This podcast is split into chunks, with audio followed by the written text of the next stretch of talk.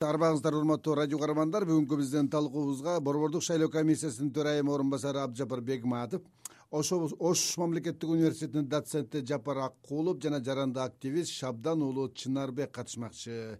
Саламатсыздарбы урматтуу радио каармандар? Биздин э, талкуубузга оштон абдыжапар э, борбордук шайлоо комиссиясынын төрайымы орун басары абдыжапар бегматов менен оштон э, жапар мырза телефон аркылуу кошулмакчы бизди угуп жатасыздарбы урматтуу эксперттер угуп жатабыз анда мен э, жарандык коомдун өкүлдөрүнөн сөздү баштап э, кырдаал жөнүндө ойлорун уксак деп турам биринчи сөз чынарбек мырза мен сизге берем бүгүн мына бишкекте жарандык коомдун жана бир нече саясий партиялардын өкүлдөрү катышкан акция болду ал жерде негизги айтылган сөздөр талаптар эмне болууда саламатсыздарбы Э, бүгүн ошо жаңы эле ошо митингден келатам э, митингдин эң биринчи максаты бул э, мыйзамдуулук. Баардыгыбыз мыйзамды сакташыбыз керек. Ошон үчүн жарандык активисттердин жана жарандык сектордун баардыгынын айткан сөздөрү бир эле мыйзамдуулукту сактоо болуп атат. Лозунгдардын баары мыйзамдуулук жана мыйзам баардык шайлоо процессине катыша турган партияларга бирдей болушун талап кылып атат ошол э, азыркы күндө э, шайлоого даярдыктар жүрүп атпайбы ошол кырдаалдарда ошол мыйзамсыз көрүнүштөр бар экени да айтылып атабы? Мыйзамсыз көрүнүштөр ошо биринчи күндөн эле башталды деп айтсак болот э, жыйырма төртүндө биринчи күнү катталганда эле биз ээрге мындай кыйчыгыраак отурдук да бул жанагы өкүлү келбегени кыргызстан партиясынын анан азыркы соттордун чыгарып аткан чечимдери баардыгы мындай шайлоо баштала электе эле мындай көп э, көмүскө нерселер э, болоорун анан бул нерсе бүгүнкү чечимден мындай чыгат да. Эгерде жогорку сот жарандык ошол мыйзамдын тарабында боло турган болсо шайлоо таза өтөт жана таза кетет деген кичине мындай ориентир болмок да биздечи.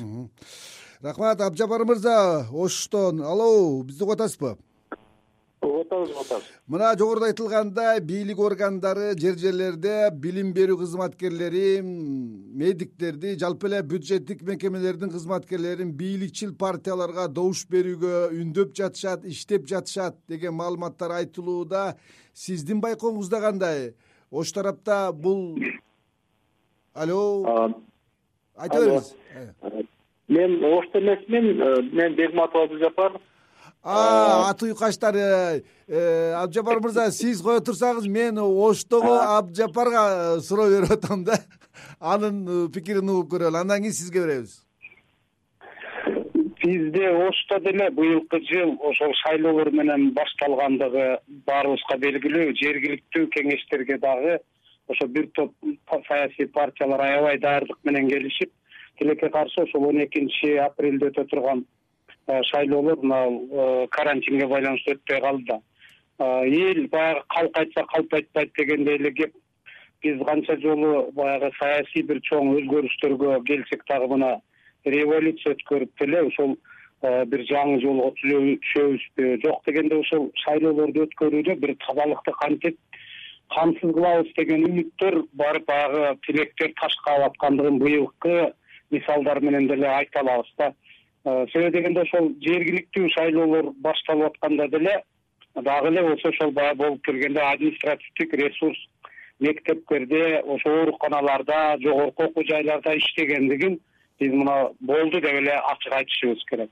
Эми ал жергиликтүү шайлоолор болбой калды эми мына жогорку э, кеңешке шайлоо мезгили келип калганда деле балким мурдагыдай ачыктан ачык эмес бирок көрүнүшкөдө дале болсо ошол система иштеп аткандыгын мына соңку оштогу окуялар айталы бир мектептин директорун алып салып э, себеби дегенде ал мектептеги биринчиден баягы орун басарларын э, коррупцияга айыптап экинчиден ошол баягы э, жогору жактагы органдар менен шайлоого байланышкан ошо туура эмес иштерди бир токтот деп айткандыгы үчүн талак кылгандыгы үчүн директорду мына кызматтан алып коюп атат ошол эле учурда мына айрым жогорку кеңештин аракеттеги депутаттары ошко келип э, түрдүү мекеме ишканалардын жетекчилерин өздөрүнө бир эмес бир канча жолу чакырып ошол штабка баягы кирип чыгып дагы эле үгүт баштала элек болбосо мына ошол баягы бийликке дале болсо ошо кызмат кылып аткан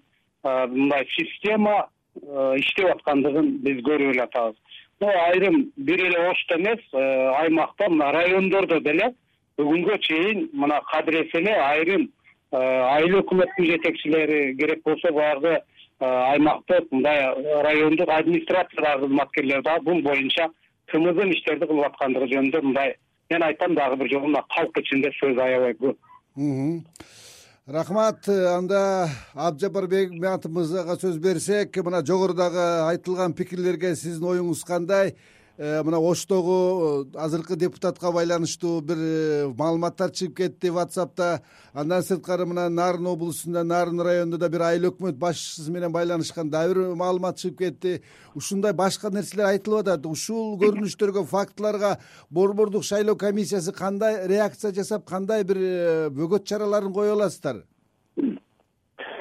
туура айтасыз азыркы э, мезгилде ушул бизге шайлоо системабызга жаңы модельди тандап алганыбыздан кийин ушундай бир эки биздин э, шайлоону даярдоо өткөрүүдөгү эки бир ушундай көйгөй э, калды. Бул ушу шайлоочулардын добуштарын сатып алуу жана административдик ресурсту кыянаттык менен пайдалануу маселелери ушундай калды. Бизде азыр ушундай жаман көрүнүш катары бул боюнча э, мыйзамдык базаны чыңоо боюнча билесиздер мына бир эки жылдан бери иштеп аткан жоруктар жөнүндөгү кодекс бузуулар жөнүндөгү кодекстеги нормалар жана жазык кодексинде дагы э, илгертен эле турган сатып алууга добуштарды сатып алууга багытталган э, статья атайын статья бирок иштебей келген азыр ушу мыйзамдык базаны чыңоо боюнча бир топ мыйзамдарга өзгөртүүлөр кирип мен жана айтып өткөн кодекстердеги нормалар э, мындай бир э, аларды ишке ашырууга алардын ушулар менен күрөшүүгө алдын алууга бир багытталган нормалар болду десек болот. Анткени э, мурдатан бери ошондой статья болгону менен бирок аларды колдонуунун бир механизмдери тартиптери иштелип чыгылган эмес эле ошон үчүн иштебей келген. Бирок азыркы убакытта ушундай болуп атат. Биз социалдык тармактарда чыгып аткан ушундай терс көрүнүштөргө деле административдик ресурстардын э, ушундай колдонушуна сатып алуулар болуп атат дегенге биз азыр э, ушуну алдын алуу аны менен күрөшүү максатында э, борбордук шайлоо комиссиясынын алдында жана жер жерлерде аймактык шайлоо комиссияларынын алдында биз ыкчам чара көрүү топторун түзгөнбүз бул мыйзамга дагы ошол жанагы көйгөй болуп калгандан кийин өткөн жылы конституциялык мыйзамга ушундай өзгөртүүлөр киргизип ушундай ыкчам чара көрүү жумушчу топтору болушун э, камсыз кыла турган нормалар кирди. Ал ыкчам чара көрүү тобу мисалы борбордук шайлоо комиссиясынын алдында түзүлгөн э, жумушчу топко э, борбордук шайлоо комиссиянын мүчөлөрү жана укук коргоо органдарынын саясий партиянын өкүлдөрү бейөкмөт уюмдардын өкүлдөрү тартылган. Азыркы кезде түз баягы горячий линия телефондору иштеп атат. Биздин коомдук кабылдамалар иштеп атат. Ошолордун маалыматтары чогулуп алар Э, жөн эле чогулуп калбай баягы бирдиктүү э, арыздардын э, кайрылуулардын бирдиктүү реестрине катталып анан чара көрүлүүчү катары азыр жумушчу топто жана сиз айтып өткөн мисалы нарындагы окуя башка жердеги ушундай административдик ресурсту колдонуп аткан ушундай окуяларга ушундай учурларга баа берүү максатында тиешелүү экспертизаларды жүргүзүү жүргүзүү боюнча жумушчу топ азыр өзүнүн өндүрүшүн алып тиешелүү иштерди башташты. Бирок мен ушул э, мындай э, кайрылат элем э, бул мисалы борбордук шайлоо комиссиясында же болбосо шайлоо комиссия аймактык участкалык шайлоо комиссияларында ушундай топ бар экен дебей эле ушул мен чакырат элем ушул жалпы биздин граждандык активисттерибиз дагы бул ишке мындай кошулуп чогуу чараны аракет кылганга себеби бир эле бул шайлоону уюштуруучулар тарабынан эле бул көзөмөлдөнбөй Э, биздин жарандык э, сектордон дагы биздин граждандык активисттерден шайлоо процессинин башка катышуучулары саясий партиялар тарабынан байкоочулар тарабынан коомдук уюмдар тарабынан ушундай бир чогуу чараны иш жүргүзсөк менин оюмча бул э, мындай терс көрүнүштүн алдын алуу болтурбоого болгон мындай чыныгы күрөш болот эле. Бирок абжапар мырза абжапар мырза мына сиз айтсаңыз мына э, жогоруда айтылган фактылар боюнча андан сырткары мына белгилүү ырчы обончу дагы кайсы бир партиянын пайдасына э, э, ыр арнап чыгарып аткандыгы үгүт иши баштала электе дагы айтылды эле ушундай көрүнүштөргө коомчулукта борбордук шайлоо комиссиясы оперативдүү ыкчам реакция жасабай жатат деп сындар айтылып атат да. Бугуну кандай дейсиз? Туура айтасыз биз азыр как раз ошону айтайын дедим эле мына э, бир ырчы боюнча дагы мындай бизге э, социалдык тармактан э, чыгарган ушул маалыматты биз карап жумушчу топтон биз өткөн жумада эле ошого мындай реакция жасаганбыз. Жумушчу топтон биз ыйгарым уктуу должностное лицого кызмат адамына биз бергенбиз. Ал жети миң беш жүз сом штраф салып анан тиги саясий партиянын эч тиешеси жок деп биз эки тарапты тең чакырып мисалы ошол саясий партиянын өкүлүн дагы э, кимдин заказы э, кайсы уполномоченный представитель төлөдү экен деп ушундай эме кылсак ал төлөгөн эмес экен э, кыскасы ошол ырчынын өзүнө айыппул салуу боюнча андан сырткары реформа саясий партиясынын дагы арызы боюнча мындай бир э, жалган э, жалаа жабуу боюнча дагы биз өзүбүздүн жумушчу топтун отурумунда атайын отурумунда карап биз э, тараптар менен чогуу талкуулап аларга тиешелүү чараларды көрүп алардын кийин опровержение берип массалык маалымат каражаттарын опровержение берүү боюнча дагы биз азыр уже бул ишке койдук. Анан жанагы кетирилген мисалы бир статья кетип калган болсо ошого кийинки санына э, өзү ушул э, төгүндөө боюнча ошончо э, аянтты бөлүп бере турган болду. Анан кыскасы бул административдүү ресурсту жана добуштарды сатып алуу боюнча бул жоруктар жөнүндө жана кылмыш жаза кодексинин нормаларына ылайык атайын азыр чоңойтулган санкциялар каралган. Э, эгерде булар кызмат адамы болсо муниципалдык мамлекеттик кызматчылар болгон болсо алардын уюмдардын жетекчилери болгон болсо аларга өзүнчө бир э, санкциялар каралган. Бул боюнча азыр ушул биз жана айтып өткөн ыкчам чара көрүү тобу жана ошол э, тиешелүү ыйгарым укуктуу өкүлдөр бул боюнча ишти жүргүзүп колго алып атат. Рахмат. Ар бир маалымат ар бир бизге түшкөн ушундай маалыматтарга э, реакция кылып жетишип атабыз менин оюмча. Рахмат. Э, чынарбек мырза мына э, бул убакка чейинки шайлоолордо деле жарандык коомдун өкүлдөрү партиялар бийликке ушундай бир талаптарды коюп келишкен шайлоонун таза өтүшү боюнчачы бул жолу деле ошондой акциялар уланып митингдер пикеттер болуп жатат. Бүгүн да ошону күбөсү болуудабыз деги ушундай формадагы Э, мындай күрөштүн жолу э, бир таасири бар деп ойлойсузбу? Таасири болуп атабы? Бийлик же болбосо башка тиешелүү органдар укчудайбы? Биз башында ушу шайлоо башталганда баарыбыз күткөнбүз. Мындай эл ойгонду эл түшүндү бирдекени депчи. Баягы пандемия учурунда канча кишилер кырылып кетти.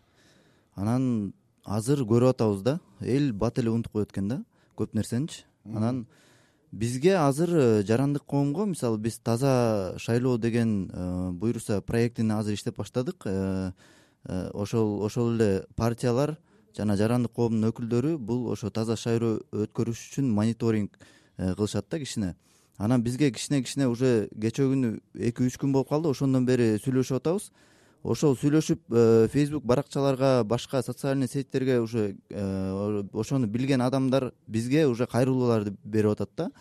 Бул кайрылуулардын көбү баягы паспорттун э, данныйларын чогулткан болуп атат да. Элибиз көбү түшүнбөстүктөнбү же кандайдыр бир билбестиктен кылып атабы билбейм. Бул жарандык адамдын паспортун берген бул өзү дагы Э, административдик ресурс деп эсептесек болот да. Анткени ал жерге мугалимдердикин баягы эле доктурлардыкын э, дежурный эле э, административдик ресурсту кайра эле колдонушуп атат да буларчы.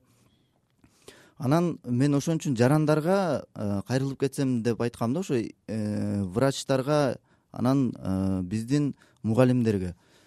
Биздин паспорттарды чогулткан бул болбойт. Муну сиздердин паспорттарыңызды бир жерга алып кеткен бул өзү персональный данный деп коет да. Ошол персональный данныйды ошо башка бирөөгө сиздин э, мындай э, колуңуз жок же болбосо өзүңүздүн мындай билбестиктен бергенге бул болбойт да такырчы. Ошондой нерселер болсо биздин биздин баракчаларыбызга кайрылсаңыздар болот. Экинчи маселе неме да жанагы ошол чогултуп аткан эле нерселерди биз баягы унутпашыбыз керек да. Баягы кечээ күнү эле баарыбыз көчөдө жүрүп э, ошол врачтар эле ошол ошо мугалимдердин баары эле көчөдө жүргөн мына абдыжапар мырза борбордук шайлоо комиссиясы айтып атпайбы эгерде жерлерлерде мыйзамсыз көрүнүштөр болсо дароо э, тиешелүү органдарга борбордук шайлоо комиссиясына кайрылгыла деп атпайбы? Сиздер кайрылдыңыздарбы ошондой бир фактылар менен. Э, аларды эмне чара көрүп атат эмне таасир кылып атат кайрылуу бул жетишсиз деп эсептейм да. Э, ар бир жаран кайрылып отурса бул циктин бшкнын эмнеси калат. Э, укук коргоо органдарынын эмнеси калат. Бул жерде партиялар да көп э, ошол административдик ресурсту колдонуп аткандар да көп да. Бул жерде билдирүү да. Адамдарды түшүндүрүү адамдарга түшүндүрүү паспортту чогултуп бир жерге данныйларыңды берген бул өзү кылмыш иши. Бул административдик ресурсту ачык колдонуп атат деген сөз. Ошон үчүн биз айтып атабыз билдирүүнү баштайлы таза шайлоо өткөрүш үчүн э, таза билдирүүлөрдү кылышыбыз керек да. Болду. Рахмат. Биз анда оштогу абдыжапар мырзага сурообуз болот. Э, бизди угуп атасызбы угуп атам мына административдик ресурс дегенде биз жалаң эле ушу бийлик менен байланышкан фактыларды айтып калабыз да ошол эле учурда коомчулукта э, шайлоого бир байманалуу бай адамдар ошол эле учурда кылмыш дүйнөсүнүн өкүлдөрү дагы өздөрүнүн ресурстарын колдонуп шайлоого таасир көрсөтүшөт көрсөтүп жатышат деп атат. Сиздин баамыңызда ушундай көрүнүштөр дагы уланып атабы? Барбы? Жана бизге суроо бердиңиз эле ошол борбордук шайлоо комиссиясынын ушундай маалыматтарга э, реакциясы канчалык мындай ыкчам болуп атат деп. Ооба. Э, мына бүгүнкү күндө э, укук коргоо органдары деле карап отурат мына интернет сайттарында эмне деген маалымат чыгып атат. Эгерде ошол жерде бир негиз боло турган болсо ошол маалыматты таркаткан адамдарды чакырып келип сүйлөшүп же нары же бери кылып керек болсо ушу кечирим сурап атканга чейин жеткирип атпайбы борбордук шайлоо комиссиясы ушуга окшогон фактыларга параллель эле атайын билдирүүнү күтүп отурбастан мына ыкчамдуулугун ушунда көрсөтсө болмок. Өткөндө эле мына жалал абад областындагы бир жакшы мончого миңден ашык адамды жакшынакай кылып сыйлап ошо шайлоо боюнча чоң сөз өткөндүгү жөнүндө жүрөт. Ал боюнча эч кандай менимче реакция кыла алган жок. Кечээги кыргызстан партиясына байланыштуу реакция дагы мен айтат элем бул жерде жарандык коомдун ошол баягы атаандаш партиялардын мындай талабынан кийин гана ошол баягы э, кыргызстан партиясын э, каттоодон баш тартып атышат. Бүгүнкү күтүп отурабыз мынакей бүтүндөй коомчулук жанагы ак башы дагы инцидент боюнча кандай ошол бир э, жыйынтык чыгат экен деп мени бир мындай күмөн кылган нерсе мына абдыжапар агайды экөөбүздү сиз адаш кылып бир чакырып алып адаштырып алып атасыз баягыдан бери. Мен акаевдин мезгилинен бери бул кишини жакшы тааныйбыз. Ошол борбордук шайлоо комиссиясында менин сыйлаганым ошол сабактуулугу анткенде дагы бул эң компетенттүү борбордук шайлоо комиссиянын мүчөлөрүнүн бири деп эсептейм. Ошол эле учурда борбордук шайлоо комиссиянын төрайым төрагаларын биздин бийлик алмашкан менен ошо иштеп аткандарды сактап калып бул жерде сөзсүз түрдө жанагы күмөн ой кетет. Мурдагы алардын бир жөндөмдөрүн уже өзүнүн кызыкчылыгында иштеткенди мына каалап атышат да деп карасаңыз эми себеби дегенде борбордук шайлоо комиссиясы ар кайсы ошо бийлик алмашкан сайын бир жаңыча бир жолду көрсөтсө болмок. Мен айтпайт элем бул жерде түп тамырынан бери бүтүндөй составын алмаштырып салып бирок кээ бир адамдарды көп ушунчалык составда кармаштын зарылдыгы төрайымды төраганы баш кылып канчалык керек деп да. Э, себеби дегенде э, мынакей бир учурлар болгон биз эч мындай жалган деп айта албайбыз мен дагы ош шаарында э, бир алты жети жолу участкалык шайлоо комиссияны жетектеп чоң округдук комиссиянын жооптуу катчысы болуп иштегем.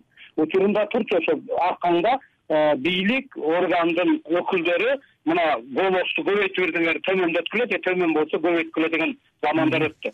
Баягы өткөнгө салабат деп биз ар кайсы жол менен мына бийликти алмаштырып атабыз бирок келечекке ишеним бере албай атабыз да ошондуктан бул жерде борбордук шайлоо комиссиясы дагы мындай бир элге бир үмүт бере турган бир саясатын көрсөтүш керек болчу.